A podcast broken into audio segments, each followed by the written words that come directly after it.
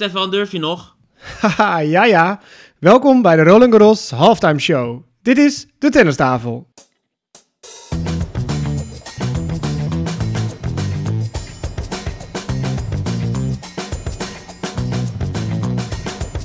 Please take your seats quickly, ladies and gentlemen. Thank you.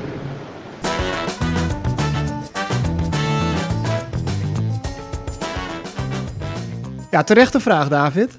Want volgens mij heb ik ongeveer alles mis voorspeld wat ik maar kon voorspellen. Volgens mij ook. Twee keer zelfs. Ja, want ik zie je nu vandaag voor de tweede keer via, eh, via de Zoom. We hebben vanmorgen opgenomen, maandagochtend. Maar ja, er is zoveel veranderd vandaag Ja. op Roland Garros. Dat we hebben besloten, we gaan heel spontaan een tweede aflevering maken op dezelfde dag. De eerste, die schrappen we. ja, het is niet anders. De hoeveelheid dingen die we bespraken die inmiddels al achterhaald zijn, was gewoon echt te veel. We gaan even in recordtempo nu, hè?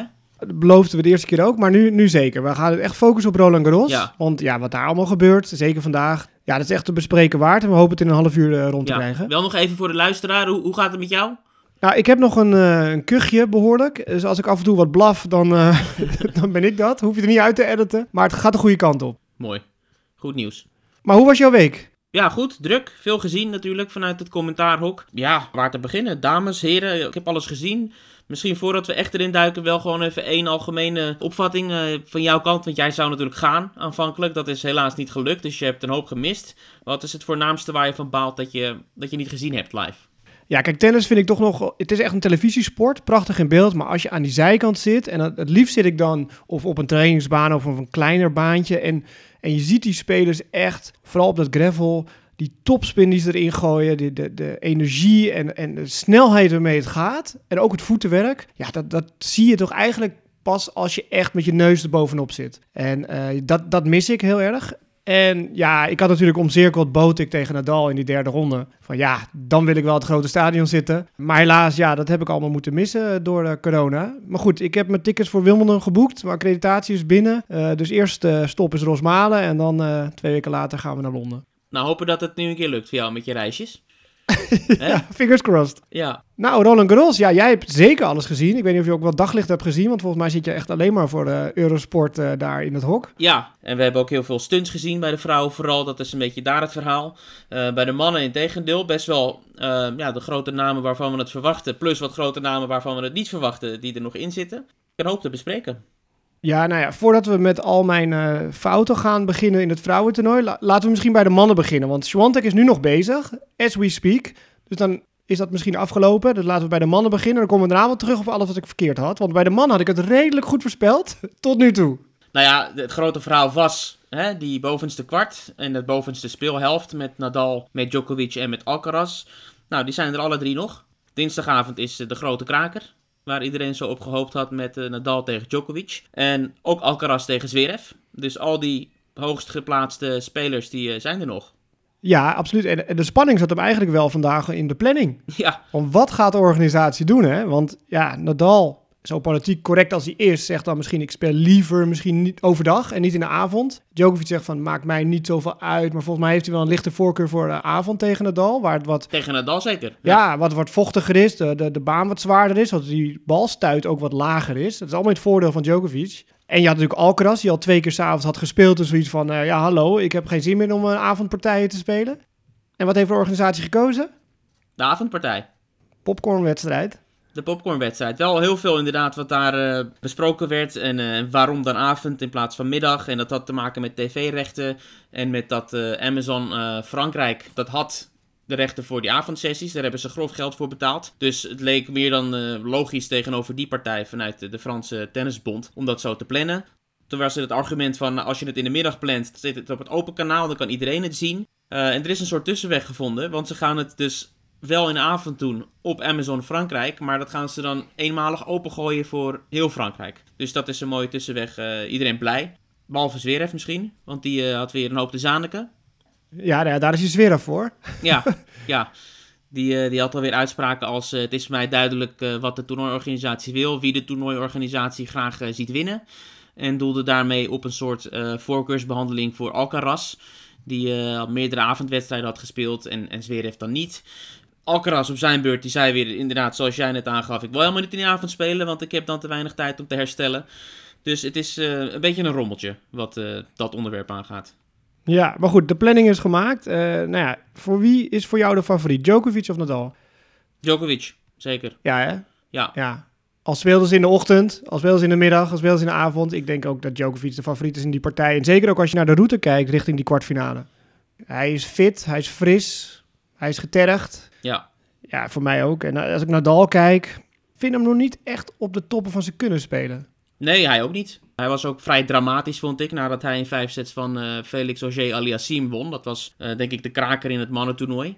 Dat hij zei van, ja, elke keer als ik de baan opstap, dan is het misschien wel mijn laatste keer. Ik vond het een beetje overdreven. En ik, ik wil niet zeggen, dat was een beetje indekken voor eh, die wedstrijd tegen Djokovic. Maar ja, dat kwam toch wel een beetje in mijn achterhoofd zo op. Van hij is nu al bezig met eh, dat het niks gaat worden tegen Djokovic. En dan heeft hij iets om eh, aan te wijzen. Maar ja, goed, het is de grote Nadal, dus ik wil daar niet zo, zo vol, vol ingaan. En vorige keer, wanneer was dat? Eh, in 2020, weet je nog? Dat speelden ze ook tegen elkaar, eh, Djokovic en Nadal. Toen was het ook avond en toen was het ook ijskoud. En, en toen won Nadal gewoon dik. Dus Ja, ja. weet je, sluit het nooit uit. Het is Nadal, het is Roland Garros. Hij begon wel weer over zijn voet. En dat hij daarom onzeker is. En elke wedstrijd die je kan spelen op Roland Garros, die is mooi meegenomen. Ja. Daarom blijf ik vechten, want je weet nooit of het de laatste is. Eh, hij heeft trouwens nog nooit een vijfzetter verloren op gravel. Dus mocht het zover komen, dan, ja, dan is Nadal weer de favoriet. Eh, wat vond je van die partij tegen Botik? Nou ja, ik denk dat dat meer aan Botek lag dan aan Nadal. Ik denk dat Nadal hoefde niet per se te pieken. Die speelde gewoon eh, zoals die speelt. Het was meer dat Botek, denk ik, eh, een soort van shock te verwerken kreeg. Van zo'n type speler heb ik nog nooit tegenover me gehad. Dit type spin, dit type verdediging. En ja, daar had hij gewoon niet genoeg tijd voor om daarop eh, op in te haken. Aan het einde lukte het een beetje, maar toen was het al te laat.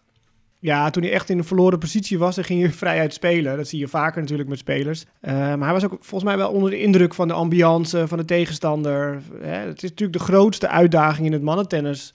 Nadal, op Roland Garros. Ja. En daar sta je dan. Hè? En, en is toch eigenlijk nog een ja, jonkie op de Tour, wat dat betreft. Hè? Het eerste volledige seizoen op de ATP-tour. Hij doet het natuurlijk fantastisch. Maar ik kan me voorstellen dat je wel even onder de indruk was. En Botik speelde niet zijn eigen spel. En het heeft vast en zeker met Nadal te maken. Mhm. Nee, inderdaad. zeker. Maar in de eerdere rondes vond ik Botik ook nog niet echt een topvorm laten zien. Tegen Fornini en tegen die qualifier. Nee, ik, nou, ik had toch gevoel dat er nog wel meer in zat.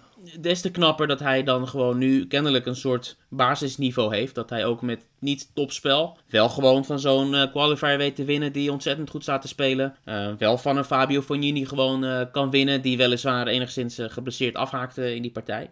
Ja, dat smaakt wel naar meer. Nee, absoluut. Kijk, en Botik kan gewoon met opgeheven hoofd eh, Parijs verlaten. Heeft eh, zijn wedstrijden gewonnen die hij moest winnen. Ja, en van Nadal verliezen, ja, dat eh gebeurde, gebeurde wel meer mensen daar. Ja, Ehm, dan de wedstrijd van Tellen. Die deed jij eh, als commentator. Dus jij zat er een beetje snufferd eh, bovenop, zeg Ja. maar. Vertel. doodzonde.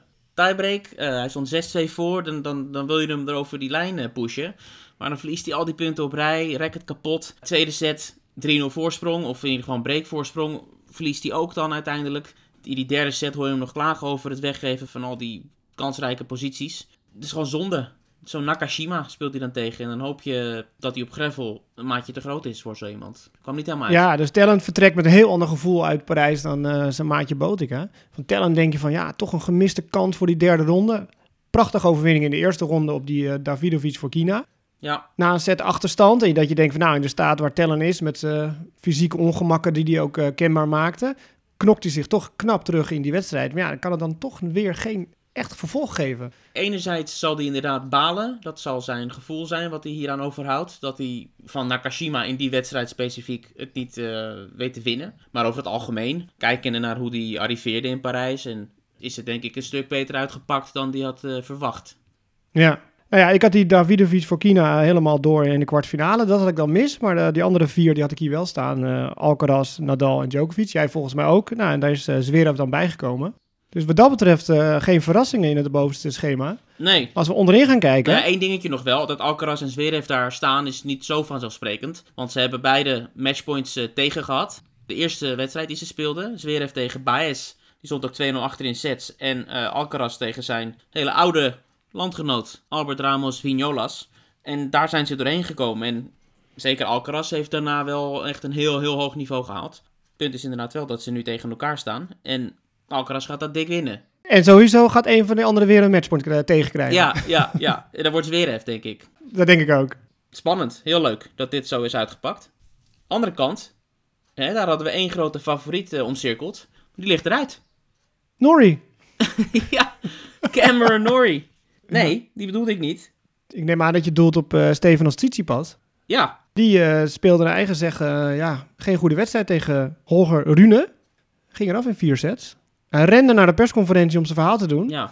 Hij was er helemaal klaar mee ook. Hij was er klaar mee. Hij had nog iets raars over die Rune te melden. Hij, hij noemde hem een speler waarvan het altijd lijkt alsof hij ergens mee zit tijdens een wedstrijd. It looks like there's always something bothering him during the match. Alsof die, dat zou dan een soort afleidende factor zijn voor uh, Tsitsipas. En die kennen elkaar misschien ook van uh, de Muratoglu Academy. Want uh, Rune die zit daar en Tsitsipas die traint daar natuurlijk ook vaak. Maar het feit is dat hij gewoon van die uitstekend spelende Rune gewoon in vier sets eraf ging. Ja, dat vind ik wel opvallend dat hij dat zegt. Want ik heb altijd de indruk dat Tsitsipas nooit echt met zijn tegenstander bezig is. Hij klapt nooit voor een mooie bal. Of als iemand valt, en, uh, zal hij nooit, bijna nooit vragen: gaat het met je of iets dergelijks. Hij is helemaal in zichzelf verkeerd. Ja. Uh, maar kennelijk toch niet helemaal. Wat ik mooi vind van de Rune, die kan van die hele nonchalante dropshot spelen. Ja, echt met backhand. Prachtig. En, ja, met die backhand. En dan loopt hij zo in de loop of zo. Echt heerlijke speler. En pas 19 jaar, zoals je zegt. Na Alcaraz volgens mij de enige tiener in de top 100. Prachtig. Eh, ja, hij is vijf of zes dagen jonger of ouder. Ik weet niet precies. Er zit heel weinig verschil tussen die twee. En, en die kennen elkaar ook ontzettend goed. Hebben in de junioren eh samengespeeld, tegen elkaar gespeeld. Echt tien keer of zo. Gaf Rune aan eerder eh, deze week. Misschien voor Alcaraz ook leuk dat de spotlights een beetje van hem afgaan ook. Dat er ook een andere tiener is die misschien wat druk bij hem wegneemt. Ja. Ja, leuk. En de Denemarken, Scandinaviër. En wie treft die? Kasper Ruud. Ja, Andere Scandinaviër. Scandinavisch onder ons. Ja, dat is echt een geschiedenis wat die met z'n twee eh, schrijven. Ik geloof dat Ruud de eerste Noor is ooit in de Roland Garros geschiedenis die zo ver komt. En eh Rune die was ook de eerste Deen die zoiets flikte sinds eh, 1959. Dus Scandinavische tennisgeschiedenis. En Ruud eh, die stond er ook al eh, ja, behoorlijk in de spotlight. Omdat hij in de eerste ronde speelde tegen eh, Jo Wilfried Tsonga. Die Mm. afscheid nam. Ja. Dat was nog wel een mooie pot zeg. Ja, was een hele mooie pot. En Tsonga haalde een heel hoog niveau. En zijn hele carrière zat een beetje in die ene wedstrijd. In die zin dat hij en fantastisch speelde. En ook bijna weer aan het winnen was van ja, zo'n goede speler. Maar uiteindelijk het weer eindigde met blessureleed. Hij speelde het nog wel uit, maar hij kon eigenlijk niks meer aan het einde. Verloor de tiebreak met 7-0 in de vierde set. En toen die ceremonie inderdaad. Ja, tranen? Tranen en hele familie, vrienden, alle spelers, alle collega's op de baan. Het duurde echt een half uur of zo. Eh, clipje natuurlijk afgespeeld met, eh, met wensen van Federer, Nadal en Djokovic. Dus dat was eh, een waardig, waardig afscheid. En ja, het is gewoon een hele, hele grote meneer in het Franse tennis geweest. En wat heeft iedereen genoten van hem. Zeker. En, en, en het Franse tennis, ja, ze gaat er nog eentje verliezen. Gilles Simon. Ja, Die verbazingwekkend in de, wat was het, derde ronde nog haalde. Ja, nou, was waanzin. Als ik dan moet aangeven wat was voor mij het meest memorabele uit die eerste week, is denk ik dat ik eh, puur toeval, maar dat ik alle drie de wedstrijden van Simon heb mogen becommentariëren. En vooral die eerste tegen Pablo Carreño Busta. Nou, dat was echt een wonder. Want hij ging ook dit toernooi in en zeker die wedstrijd in toen hij de loting zag met... Oh, ik ga hier gewoon grandioos eraf. Ik kan nauwelijks meer lopen, ik ben een oude lul en ik... eh, ja, het lukt allemaal niet meer. Er is een reden dat ik aan het einde van het jaar stop. Eh, maar hij won dat op wonderbaarlijke wijze. Echt één uur of half twee in de nacht was het toen hij dat deed. En hij had nog genoeg energie over voor die tweede ronde tegen Steve Johnson. Maar toen was het wel klaar. eh, in die derde wedstrijd tegen Cilic. Maar ja, heel mooi. Cilic is daar doorheen gekomen. En dat is de enige wedstrijd die van Cilic tegen Medvedev. Die we niet kunnen bespreken. Althans, die winnaar eh, weten we niet als we dit opnemen. Nee, maar wel. Ik vind het nu al verrassend eigenlijk dat Medvedev zo soepeltjes naar die vierde ronde is gekomen. Zeker, zeker. Daar gingen wij niet vanuit. Die hernia-operatie gehad, amper voorbereiding, die aangaf van ja, als ik op gravel begin, nou, dat eerste paar trainingen, dat slaat helemaal nergens op. Als je hier een ITF junior eh, tegenover me zet, dan verlies ik daar nog van. Of ik, althans, ik weet niet hoe ik van hem moet winnen. En hij staat hier gewoon zonder setverlies in die vierde ronde tegen Silic. Ja, waanzinnig. En ik weet zeker ook dat dat hele Wimbledon-verhaal hem prikkelt heel erg. Want als hij daar niet kan spelen, dan denkt hij, ja, verdorie, dan ga ik hier wel eh, aan de pak. En hij heeft natuurlijk ook kans om die nummer 1 positie weer terug te pakken. Dus hij heeft wel wat factoren die hem eh, drijven, als het ware. Nou ja, misschien moet het wel even kort benoemen. We gaan nog later erg op Wimbledon in natuurlijk, en het hele grasseizoen. Eh Wimbledon weert de Russen en de Wit-Russen. En de ATP en de WTA heeft nu gezegd van... we kennen geen punten toe aan alle deelnemers op Wimbledon. En ook de punten van vorig jaar, die Ja, vervallen. dat is nog belangrijker, denk ik. Dus het wordt een exhibitietoernooitje. Ja, ja. Nee, dat is eh, het gesprek van eh, de eerste dagen in ieder geval geweest op Roland Garros. Over Wimbledon, gek genoeg dus. Want inderdaad, die punten gaan vervallen. En dat maakt dus dat een aantal spelers, uh, best wel veel spelers, heel veel gaan verliezen. En op de ranking gaan kelderen. Nou ja, Djokovic is misschien wel het belangrijkste voorbeeld. Dat ontzettend veel gaat verliezen. Je hebt Martin Fucsovic, een eh, Hongaarse speler, die dik in de top 100 staat. En nu ineens, geloof ik, ergens bij de 130 uh, terechtkomt. Dus er is wat oneenigheid over. Niet alle spelers die lijken het erover eens te zijn. Maar tegelijkertijd schijnt de ATP en de WTA dermate in een hoek gedrukt te zijn dat ze echt alleen maar deze beslissing konden nemen. Anders werden ze echt gewoon speelbal van uh, de Grand Slams weer. En ze hebben nu gezegd, we hebben principes, geen discriminatie toegelaten. Dit staan we niet toe, dus dit gaan we doen. Ja, maar je, hebt ook al, je hoort ook al spelers zeggen van, misschien sla ik Wimbledon wel over. Hè? Het grasseizoen ga ik gebruiken om op vakantie te gaan, om, om, om in training te gaan. En ja, ik kan daar toch geen punten verdienen. Dan krijg je inderdaad die discussie over wat is het je waard, is het iconische Wimbledon, het grootste, meest prestigieuze toernooi. Wat is dat waard voor jou, met of zonder punten? Of als jij een speler bent die inderdaad alle waarde hecht aan de punten en de ranking, dan zal je een andere afweging maken. Ja, kijk, er zijn natuurlijk spelers die, die, die denken, ik ga die titel toch niet winnen. Dus wat ga ik daar doen? Het laatste is er nog niet over gezegd. Het kan nog zijn dat er een soort tegenaanbod komt of dat ze toch dan die punten wel bevriezen. Dus we kunnen nu iets bespreken en dat kan straks weer anders zijn. Dus laten we het laten voor de volgende keer eventueel. En dan hebben we een, uh, een update. Goed, Medvedev dus misschien door naar de kwartfinale. En dan treft hij een landgenoot. Rublev, een andere hardhitter. Ja, want Sinner gaf op, zojuist. In de derde set. Was 1-1 in sets. En vroeg in de derde set uh, gooide Sinner de handdoeken in de ring. Knieblessure. Dus dat is uh, jammer. Ja, heel zonde, want voor mij was hij wel favoriet in die partij. Uh, ja, liet gewoon goed tennis zien in al die rondes daarvoor. Helemaal mee eens. Maar goed, we hebben dus Ruud, Rune, Rublev, Silic of Medvedev daar. Daar komt de finalist uit. Ja, en in feite heeft Tsitsipas de boel verpest. Qua de top 8 van de plaatsing is alleen Tsitsipas niet doorgedrongen tot de kwartfinales, toch? Ja, wat dat betreft is het mannentoernooi helemaal niet uh, verrassend te noemen.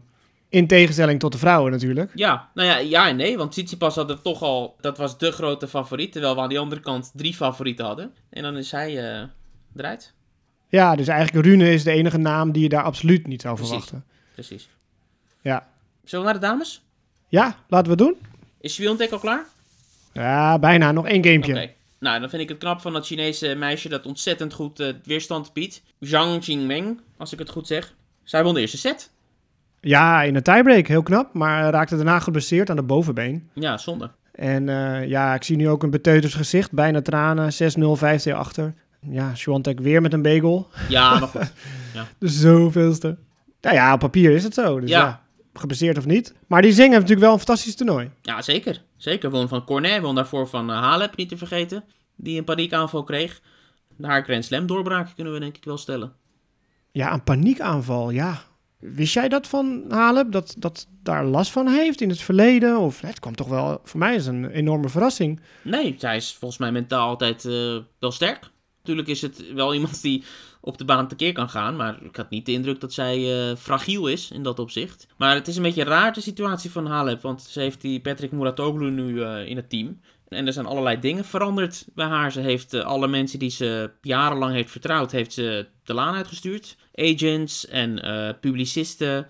Ja, die Muratoglu is ingestapt en die is overal op de Instagrams, op zijn en ook op die van haar. Als je haar pagina bekijkt, elke tweede, derde foto is, uh, is Patrick. En hij had ook zoiets heel raars. Hè? Toen ze verloor van het meisje, toen plaatste hij een bericht van... ik neem de verantwoordelijkheid voor deze nederlaag. Vreemde gang van zaken. Ik heb mijn werk niet goed gedaan en zo. Hij trok het helemaal naar zich toe. En dat vond ik een beetje overdreven. Ja. Ik vraag me af of dat lang gaat duren, die samenwerking. We gaan het zien. Ja, nou ja, goed. Ik had dus Halep ver komen en die zou winnen van uh, Swantek. Uh, nu was het aan Zeng, maar die, uh, die lukt het niet. Nee. dus Swantek naar kwartfinale. En zij gaat spelen tegen Jessica Pegula. Ja, die had ik inderdaad ver. En ze is een van de zoveel Amerikaansen die, die ver komt. Drie? Dan zien we straks het andere gedeelte, ja. Speelt graag op gravel. Ik hoorde jou zeggen, want jij deed het commentaar bij die wedstrijd, dat ze opgegroeid was op gravel. Ja, op groen gravel.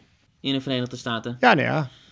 Is ook gravel. Is ook gravel, is ook gravel. Nou ja, op zich is zij opgegroeid op uh, waar ze op wil groeien. Want zij is dochter van een ongelofelijke miljardair. Uh, ik geloof dat uh, de net worth van die familie is 7 miljard. En die hebben een NFL-team, die hebben een NHL-team. En dat is een eh, olie- en gasmagnaat. Dus eh, als het niet lukt, jammer. Nee, ze hoeft, ja, ze hoeft niet druk te maken om de vliegtickets. Van ik moet de ronde winnen, of anders moet ik mijn hotel uit. Ja, Dan kopen we dat hele hotel. ja. ja. Dat maakt niet uit. Maar goed, dat, ja, het wordt haar wel een beetje nagedragen. En daar kan zij natuurlijk helemaal niks aan doen. Ze heeft gewoon de eigen carrière. En, en het speelt heel degelijk. Ja, absoluut. En ze heeft ook Madrid-finale gehaald onlangs. En dat is eh, ja, een super groot toernooi. Derde keer dat zij een kwartfinale had op een Grand Slam toernooi. Deed het al een paar keer op de Australian Open. En het is bijna zeker dat zij na dit evenement eh, de top 10 ingaat. Dus daar hikt ze al Ja. lange tijd tegenaan. Maar nu gaat het echt gebeuren voor de. Swiatek heeft gewonnen. Dus die staat nu in de kwartfinale tegen eh, Pegula. Oké. Ja, nu we zo ver in het toernooi zijn... Zij is natuurlijk de absolute favoriet voor de titel. Tot het tegendeel bewezen is. Verder? Dan komen we in het gedeelte waar, ik, waar je mij kan eh, uit gaan lachen. Ja, Waar ik echt alles fout heb. Ja, ik had natuurlijk mijn eh Sabalenka en eh Badoza daar eh, staan. nergens te bekennen. Tegen, ja, tegen blessureleed, daar, daar kan ik niet op natuurlijk. Badoza moest opgeven. En Sabalenka's hersenen waren weer geblesseerd. Hè? Ja, Sabalenka won nog wel de eerste set van Georgie, maar daarna haalden ze nog Ja. één game. ja. Was niet de bedoeling. Dus daar had ik alles ongeveer fout. Kudermetova is daardoor en Kasatkina. Nou, zeker Kasatkina is natuurlijk een speelster die uitstekend op gravel uit de voeten kan. En heeft ook heel weinig games verloren, dit toernooi. En als ze de Georgie-test heeft doorstaan, want die had natuurlijk haar van de baan af kunnen timmeren als ze een goede dag eh, had. Ja, maar Georgie had dus Nee. geen goede dag. Ze maakte iets van eh, bijna 40 onnodige fouten. Er werd een persconferentie gevraagd van ja, aan die 40 of 37 onnodige fouten. Zegt ze, ja, Ja, it's me. Dat Ja, was haar verklaring. ja. ja, kort Ja. maar krachtig. Vrouw van weinig woorden. En harde klappen. Ja, nee, absoluut. En, en weinig emoties op de baan. Geen idee kan je aan haar hoofd zien of ze voor staat, of het achter staat, of het de derde set tiebreak Nee, is. Eh, nee. Ze doet gewoon het ding. En, eh, en als de umpire roept game set de match, loopt ze het net van Ja. de hand. Ja, Dat nee, is het. precies, precies. Ze gaat er met niemand om en ze volgde de hele sport niet. Ze vroeg een keer aan haar om iets te zeggen over een andere speler. Toen zei ze, ja, ik heb geen idee, ik volg het vrouwentennis niet. Echt de meest wonderlijke speelster. ja. ja, en Kudermetova dus daar eh, door. Ehm, won van Kies. Knappe overwinning. Mhm. Want ik vind Kies wel een goede greffelspeelster. Ja. Met haar lange, lange zwaaien, zeg maar, kan ze flink vaart genereren met een dosis topspin ook erin. Zag ik niet Ja. aankomen. Eh, nou ja, wat nog interessanter wordt, dat is dat onderste gedeelte. Ja, mijn Roland Gros was eigenlijk al klaar op de eerste zondag. ja, was nog niet begonnen of het was al klaar? Ons Jabeur als eh, winnares getipt. Nou, je was niet alleen. Je was niet alleen, dus daar kan je troost uithalen. Ja, gedeelde smart is halve smart. Magda Linet, ja, ze is Pools, dus dat, eh, dat deed mijn Poolse hart natuurlijk wel weer goed. Won in drie Mm. sets, derde set, nee, 7-5 ja. Ja, een daverende verrassing, maar eh, ja, ik moest op de radio daar ook iets over zeggen, bij All Sports Radio. En ik zei, ja, maar het is echt niet zo dat die Linet nu opeens de halve finale gaat halen. En eh, ja, dat klopt ook wel, want Nee. tweede ronde, Trevisan, ging ze er gewoon netjes vanaf. Ja, nou ja, en dat was een typische wedstrijd voor Jabeur. Waarvan ik denk, als dat het overleeft, op een of andere manier gewoon lelijk daar doorheen komen, dan had ze daarna misschien wel haar spel gevonden. Maar ja, zoals heel veel best wel grote namen in de eerste rondes, dan, dan hebben ze het lastig. En vaak verliezen ze dan ook. Ze is niet de enige. Eh Muguruza ging onderuit. Osaka, die speelde dan weliswaar tegen een geplaatste speelster. En Anisimova ook meteen eerste ronde verslagen. Beetje pech. Ja, of had toch de druk. Hè? Ze had zo'n goed voorseizoen op, de, op dat gravel. En iedereen tipte haar ook wel natuurlijk. Ja, ze had naar mij geluisterd. Ja, dat geeft natuurlijk allemaal extra druk. Ja, als ze eenmaal eh, erachter komen dat jij steun hebt uitgesproken. hè, sinds je dat bij Sabalenka hebt gedaan, raakt ze ook geen pepernoot meer. Nee, ik steun jij ook, eh, David. Hoe is het met jouw carrière? Oh, oh, oh. Maar kijk, hé, Eh. ik noemde haar naam al eventjes. Die eh, Martina heet ze geloof ik de voornaam. Trevisan. Ja. Ja. ik zei een keer Marta on air. Oh, Maar dat was Kostjuk natuurlijk. ja. Zat ik nog mee. Ja, waar, waar het hart van vol zit. Oh, oh. Trevisan, echt een kleine, ja, een Jack Russell of een Pitbull, hoe moeten we het zeggen? Ja, zeker. Italiaanse lefty. Die won ook van Kiki een paar jaar geleden. Weet ik nog eh, goed. Op Roland Garros. Kwartfinaliste weer. Ik geloof dat ze dat toen ook was. En zij gaat spelen tegen een andere pitbull, hè? Leila Fernandez. Goed van haar, weet je. We hebben haar natuurlijk gezien in de US Open finale. Heel verrassend. En ik vind dat, toen zei ik toen ook al volgens mij, dat zij een grotere toekomst heeft dan Raducanu. Had ik ook, als ik naar het spel keek. En, en Fernandes heeft iets, iets extra's. En niet heel verrassend dat ze nu weer een goed resultaat had op een slam. Wel dat het op gravel gebeurt misschien.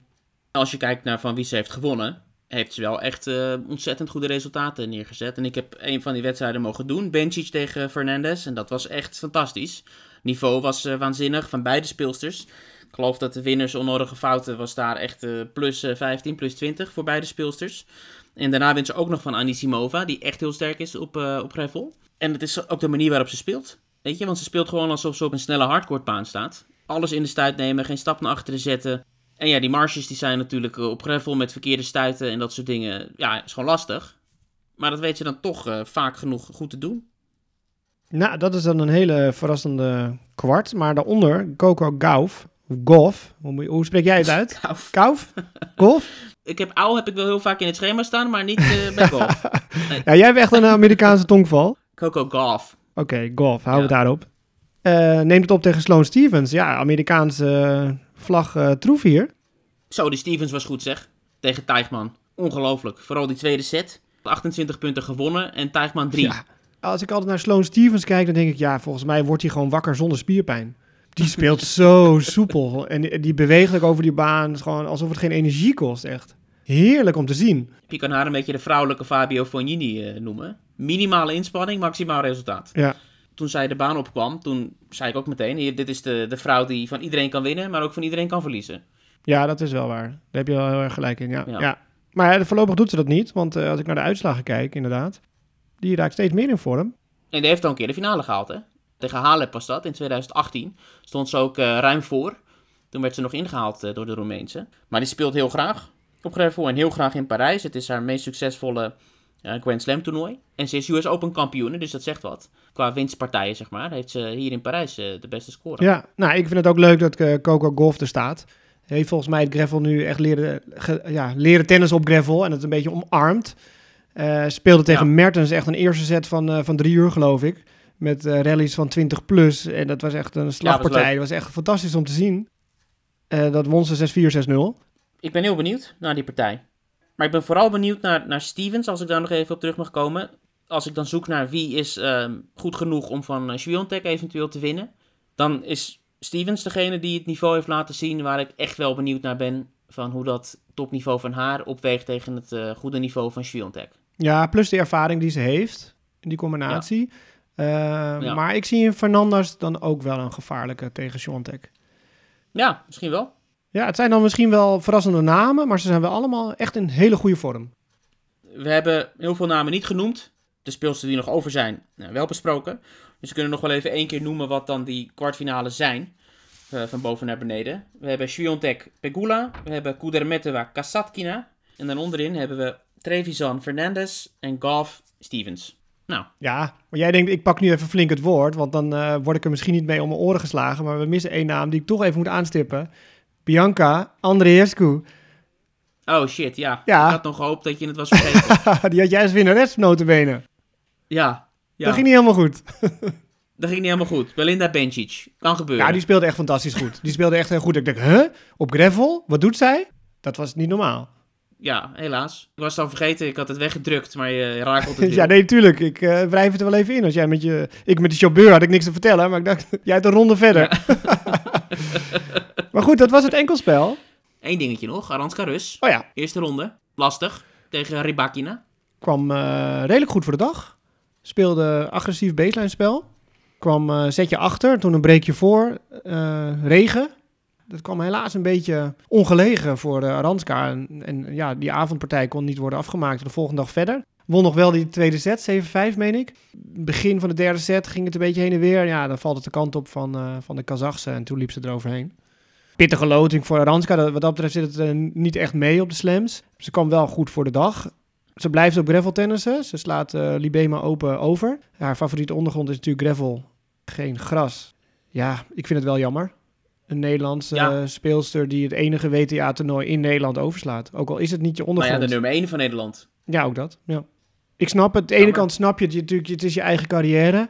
Maar je hebt ook een soort van ja, morele verplichting bijna. Om in je eigen land toch acte de présence te geven. Uh, weet je, in het verleden heb je misschien wildcards gekregen. Er is gewoon ja, belangstelling voor de pers, uh, belangstelling voor het publiek en zo. Ja, je hebt het goed recht om het niet te doen. Maar ja, een soort van emotionele chantage om het wel te doen, hangt ook wel weer in de lucht. nee, het is gewoon meer netjes, denk ik, om het wel te doen. En vooral inderdaad, als zij in het verleden, toen ze niet zo'n goede ranking had, gesteund werd met wildcards en dergelijke, dat je dan iets terug doet. Ja. Um, Maar ja, goed, ik weet niet wat voor verhouding daar is en wat voor eh, relatie en contracten en dat soort zaken, weet ik niks van. En het is haar carrière, dus het is aan haar. Ja, nou ja, wat dat betreft hebben we Suzanne Lament dan als enige Nederlandse in het eh, vrouwentoernooi van Libema Open. Zij heeft een wildcard gekregen. Oké, Ander Nederlands succes, dubbelspel. Het gaat als een trein. goed hè? Drie koppels met Nederlanders eh, in de kwartfinale. En zelfs al eentje in de halve finale zitten bij, eh, bij de mannen dubbelspel op Roland Garros. Aravalo en Royer staan in de halve finale. Ik moet zeggen, ja, ik had eigenlijk Royer al een beetje afgeschreven. Dat heb ik ook wel eens in de podcast gezegd van, nou, ik denk dat met het power tennis om zich heen dat hij het eh, heel lastig gaat krijgen. Maar ja, hij staat er wel weer mooi. Nee, dat heb je inderdaad eh, een paar keer gedaan, maar je komt er ook elke keer weer netjes eh, op terug dat je het niet goed had gezien, toch? Daar Hè? kan ik ook een podcast, kunnen we wel een rubriek van maken. ja. ja, die duurt even lang als de, de rest van de podcast. Ja, moet je weten wat er allemaal niet gezegd wordt. ja. Eh, nou ja, hij gaat het misschien opnemen tegen Bopanna en Mildekoop. Maar eh, ik zit te kijken, die staan nu een break achter in de derde set. Eh, ze hebben al een Hmm. keer een ontsnapping gehad tegen Maxis en Pavic. Werkten ze vijf wedstrijdpunten weg. Met Ja. een bizarre laatste set tiebreak. Nou, we hebben Wesley Koolhof nog met zijn maatje Skupski. Mm. Staat in de kwartfinale. Wat dat betreft, ja, oranje boven. Ja, die dubbelaars, daar kunnen we altijd wel op rekenen. Nou, en Eh, Wesley Koolhof, ja, fantastisch seizoen met Skupski al. Een aantal toernooien gewonnen. Eh, ja, nou op de slams gunnen we hem natuurlijk nu ook eh, succes. Heeft een Masters 1000 titel gewonnen dit jaar. Dus wat dat betreft een barrière doorbroken. En laten we hopen, nu ook dan op het allerhoogste niveau.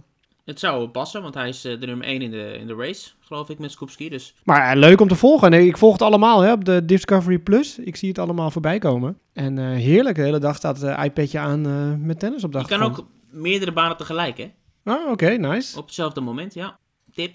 Ja, nou ja, je kan het commentaar aan en uitzetten in het Engels, in het Spaans, in het Duits, eh, in het is Nederlands. jouw Je kan het, eh, favoriete dat is mijn favoriet. Ja, precies. Ja. nee, ik heb gezegd ik steun jou. Ja, dankjewel, dankjewel. Steun uit de onverwachte hoek. Goed, we gaan. eh, de- ja, de tweede week eh, is, is al eh, begonnen. De, de prijzen gaan straks verdeeld worden. Ja, Kijken enorm naar uit natuurlijk. Ja, zeker. Ja. Ja. die wedstrijd Djokovic-Nadal. Is het de 59ste? ja, bizar. Dat je dan 59 keer tegen dezelfde al heeft gespeeld, hè? Ja, Dat is... gewoon saai. En, en de geen eerste ronde tweede ronde. is natuurlijk altijd een eindfases. Ja, er staat een hoop op het spel. Waarschijnlijk een, eh, als prijs spelen tegen Alcaraz.